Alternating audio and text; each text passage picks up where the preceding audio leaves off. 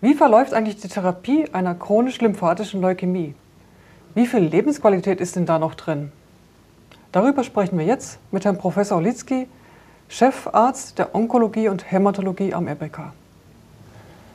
Die erste Frage, wenn man über Therapie der CLL nachdenkt, ist die Frage, braucht der Mensch überhaupt eine Therapie? Häufig ist eine solche nicht notwendig und man kann, es ist ausreichend gelegentlich, das heißt alle drei Monate, das Blutbild zu kontrollieren, um zu überprüfen, ob eine Dynamik des Prozesses vorliegt. Ist es nicht erschreckend für Patienten, wenn sie hören, ich habe eine Leukämie und gleichzeitig hören, ich brauche aber gar keine Therapie oder es wird nur beobachtet?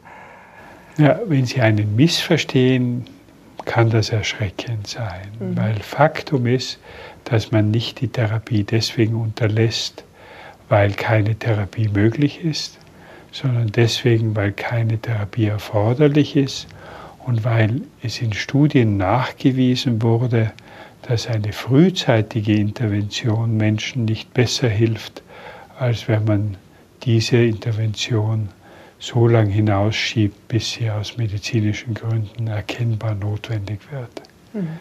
Daher ist es einfach ein Gewinn an freiem Leben, wenn man diese Therapie nicht zu früh durchführt. Notwendig wird die Behandlung, wenn es sich abzeichnet, dass Organschäden entstehen, vor allem auf das Knochenmark, dass das Blutbild schlecht wird, dass Menschen Symptome haben und dass dieser, aus diesem Grund die Erkrankung beginnt, die Lebensqualität zu beeinträchtigen oder unter Umständen auch den Menschen zu gefährden. Mhm. Die Therapien, die wir heute verwenden, sind ausschließlich chemotherapiefreie Protokolle. Mhm. Zumindest in der ersten Behandlung sind Chemotherapien nicht mehr die wirksamste Form der Behandlung. Und die Therapien bestehen aus Medikamenten aus drei Substanzgruppen. Das eine sind sogenannte monoklonale Antikörper. Mhm. Das sind künstliche Abwehrstoffe, die spezifisch B-Lymphozyten attackieren und auch zum, zum Zelltod bringen können. Die zweite Gruppe sind Medikamente, die wichtige Signalwege von B-Lymphozyten zielgerichtet unterbrechen mhm. und damit diese Zellen am Wachstum hindern. Und die dritte Gruppe sind Medikamente, die ohne den Zellstress der Chemotherapie direkt äh, Wege aktivieren, die zum Zelltod dieser Lymphzellen führen. Mhm. Und diese Therapien sind außerordentlich wirksam sind mhm. deutlich wirksamer als die bisherigen Chemotherapien und haben bewiesen, dass damit für die meisten Patienten sowohl eine Verschlechterung der Erkrankung über viele Jahre verhindert werden kann und dass dieses Ziel erreicht werden kann mit nur unwesentlicher Beeinträchtigung der Lebensqualität. Oh, das klingt das wirklich sehr gut. Wollen Sie noch mal kurz sagen, wie heißen diese? Also Sie hatten jetzt ja drei Wirkmechanismen beschrieben. Äh, wie, wie heißen denn diese Wirkmechanismen? Also die Antikörper, die heißen immer etwas mit MAP am Schluss. Okay. Also Reduxi-MAP oder Ofatumumab oder okay. Obinutuzumab. Also das sind äh, jetzt die Medikamente, die so heißen? Das sind die, diese MAP ist monoklonale Antikörper. Okay die, das todesauslösende oder zelltodauslösende Medikament heißt Venetoclax. Mhm. Und die BTK-Inhibitoren gibt es inzwischen mehrere, die zugelassen sind. Das ältere ist Ibrutinib und ein neueres heißt Acalabrutinib. Und das NIP, was heißt das NIP in dem IP-Inhibitor. Hm? IP ist Inhibitor. Ah, okay. Mhm. Ja, also IPs sind Inhibitor, mhm. CLAX ist was Neues okay. und MAPs sind Antikörper. Ah ja, okay. Also diese Bezeichnungen bedeuten, ein Teil der Bezeichnung bedeutet was und ein Teil bedeutet nichts. Okay. Markezeichen dann sozusagen. Ja, ja okay. Also auf, um Ihre Antwort präzise, Ihre Frage präzise zu beantworten, wenn eine Therapie gut läuft und wenn sie durchschnittlich verträglich ist, können Menschen mit diesen Therapien ihr normales Leben führen. Mhm.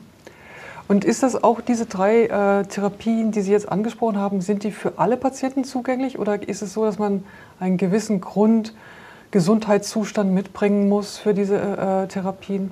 Die Medikamente haben natürlich Nebenwirkungen. Mhm. Es gibt keine nebenwirkungsfreien Medikamente, haben aber unterschiedliche Nebenwirkungen, sodass man bei den meisten Begleiterkrankungen durch Wahl einer auf den Patienten abgestimmten Kombination diese Therapien auch bis ins hohe Alter durchführen kann. Mhm. Sodass es ganz selten nur eintritt, dass man bei CLLs einen Menschen für nicht behandlungsfähig hält, weil Begleiterkrankungen ihn so schwach machen, dass man es nicht zumutbar findet. Hat der Patient irgendwie die Möglichkeit, Einfluss zu nehmen auf die Art der Therapie? Gibt es dann innerhalb dieser einzelnen Klassen Alternativen oder? Also Patienten werden ja immer über Vor- und Nachteile der Therapie, über die verschiedenen Varianten, deren Vor- und Nachteile und über die Empfehlung des Arztes informiert. Und Einfluss nehmen können sie immer. Mhm. Wenn der Patient Nein sagt, ist Nein. Mhm. Aber ehrlicherweise, wenn ich meinem Arzt nicht trauen würde, würde ich wahrscheinlich den Arzt wechseln. Trotzdem kommt es vor, dass ein Patient eine bestimmte Nebenwirkung als so bedrohlich empfindet, mhm. dass er diesen Weg nicht gehen will und einen nahezu gleichwertigen anderen Weg gehen möchte. Mhm. Aber prinzipiell ist es eher selten und ich würde dem Patienten empfehlen, sich einfach sehr präzise über die verschiedenen Möglichkeiten informieren zu lassen. Also ich meinte auch im Sinne, gibt es vielleicht, wenn ich jetzt ein MAP oder ein NIP-Medikament habe, da innerhalb von diesen Kategorien auch Unterschiede, die dann vielleicht das eine bekömmlicher oder, oder unbekömmlicher ist, oder ist eigentlich alles egal? Ne? Eigentlich, das, wir haben ja, das ist ja ein generelles Problem, das Sie ansprechen. Mhm. Wir können ja individuell weder Wirkung vorhersagen noch Nebenwirkung. Mhm. Daher haben wir Informationen, welches Medikament vorzuziehen ist, immer nur aus Behandlungsstudien in großen Menschengruppen. Mhm. Und da aus diesen Studien wissen wir, entweder ist gleich, ist verschieden oder sind, unterscheiden sich bestimmte Nebenwirkungshäufigkeiten. Das heißt, wir wissen nie genau, was für den Menschen das Beste ist, sondern wir können nur die Daten aus den Gruppen benutzen, um Menschen zu beraten. Aber meistens sind die Unterschiede zwischen diesen verschiedenen Therapien entweder so groß, dass es wirklich zu empfehlen ist, ein Medikament vorzuziehen, mhm. oder sie sind so klein, dass es keine große Rolle spielt, mhm. welchen Versuch man macht. Mhm. Und daher ist es schwierig, etwas zu machen, was schon viele Menschen sich erwünschen würden, eine hoch individualisierte Empfehlung abzugeben. Also mhm. wir geben meistens Empfehlungen ab, die wir aus Gruppenerfahrungen ableiten und mhm. nicht die auf den Einzelnen in kompletter Weise abgestimmt sind. Mhm. Und jetzt hatten wir ja gesprochen, dass diese Therapien auch über sehr lange Zeiträume genommen werden. Entstehen da dann irgendwann auch mal Resistenzen oder?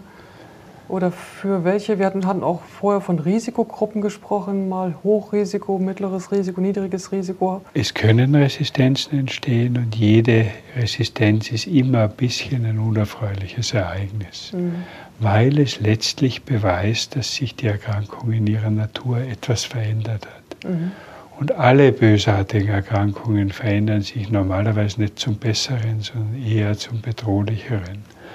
Und daher ist es Immer wenn eine Resistenz entsteht, wird man versuchen, mit einer alternativen Therapie wieder eine gute Rückbildung zu erzeugen.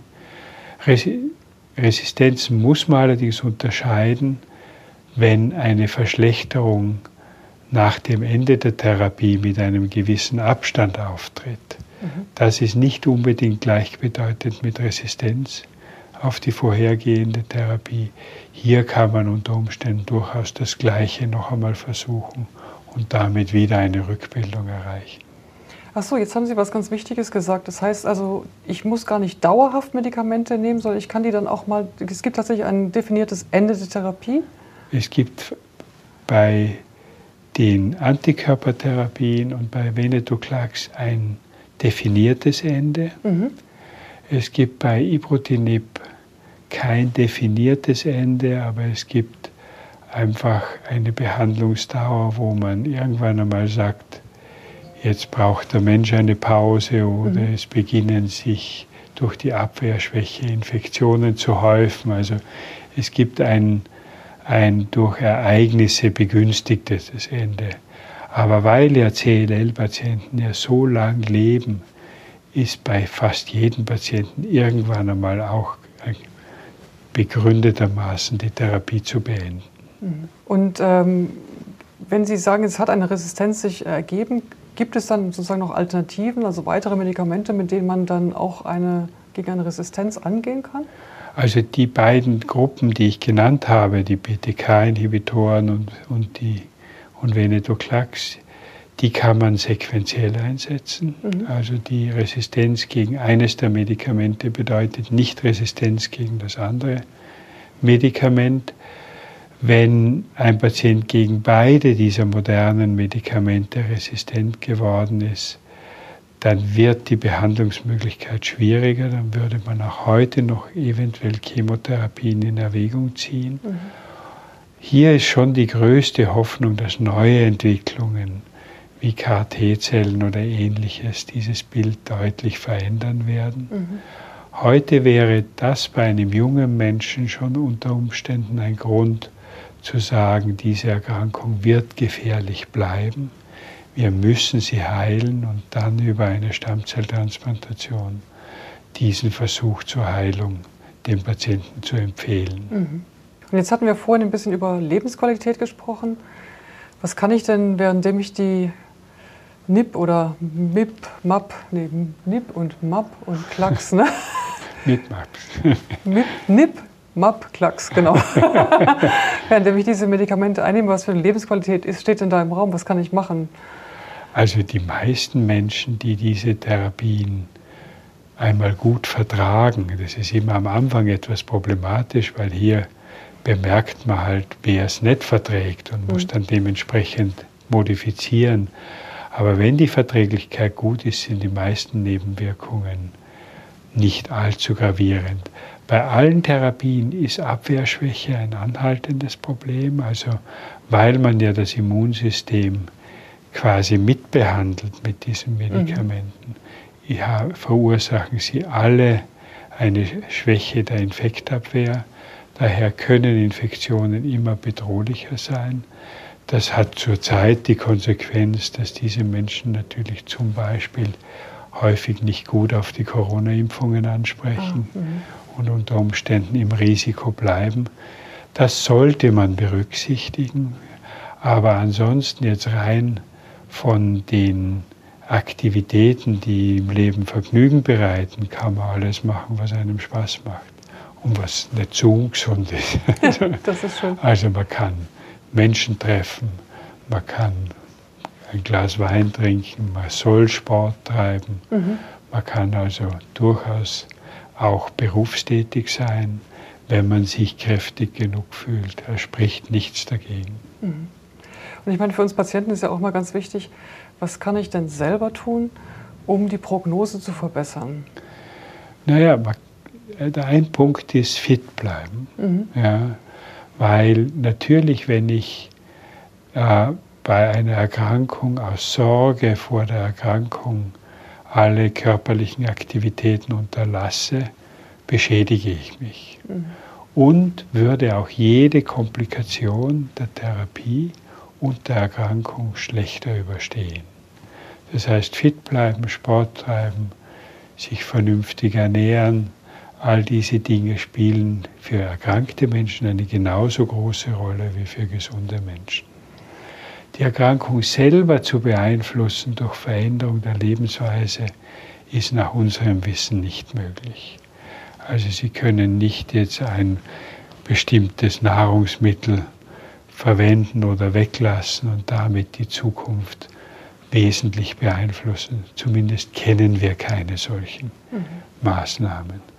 Daher ist meine Empfehlung, gesund leben und den Rest der Aktivitäten mehr auf die Lebensfreude fokussieren als auf die Erkrankung.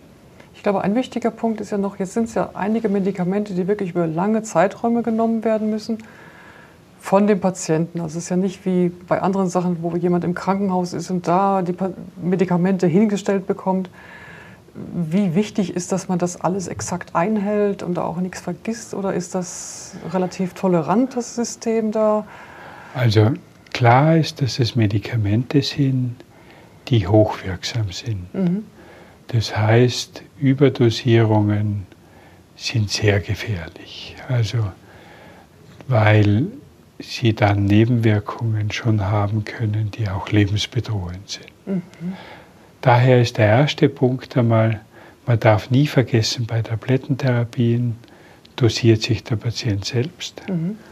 Und es, er muss einmal zweifelsfrei verstehen, was ihm empfohlen wurde mhm. und darf keine Missverständnisse zulassen mhm. beim Verständnis der Medikationsanordnung. Mhm.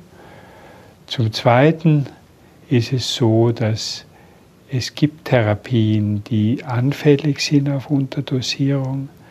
In diese Gruppe gehören die CLL-Therapien nicht. Mhm. Also wenn man, was weiß ich, einmal in zehn Tagen eine Tablette vergisst, ist dadurch der Therapieerfolg nicht gefährdet. Mhm. Bei anderen Erkrankungen wie bei der CML ist es so. Da muss man die Therapietreue auf über 80 Prozent halten, damit man das optimale Ergebnis bringt. Also insofern ist man braucht nicht panisch sein, aber man, man muss sich schon im Klaren sein, dass man unter Anführungszeichen sein eigener Chemotherapeut ist mhm. und damit verantwortlich ist dafür, dass es wirklich präzise und nicht zu viel und nicht zu wenig eingenommen wird und dass man rechtzeitig auftretende Nebenwirkungen mit seinem Arzt bespricht. Mhm. Das war jetzt ein schönes Wort, sein eigener Chemotherapeut sein. Vielen herzlichen Dank, Herr Professor Litzky, für diese Übersicht über die Therapie der chronischen lymphatischen Leukämie. Ach ja, bitte geben Sie uns Feedback zu dieser Episode unten in den Kommentaren. Wir möchten unsere Angebote immer besser machen. Wenn Sie also konkrete Fragen haben und Sie bestimmte Themen besonders interessieren, lassen Sie es uns unter dem Video oder per Mail wissen. Und übrigens, abonnieren Sie unseren Kanal, dann verpassen Sie keine weitere Folge.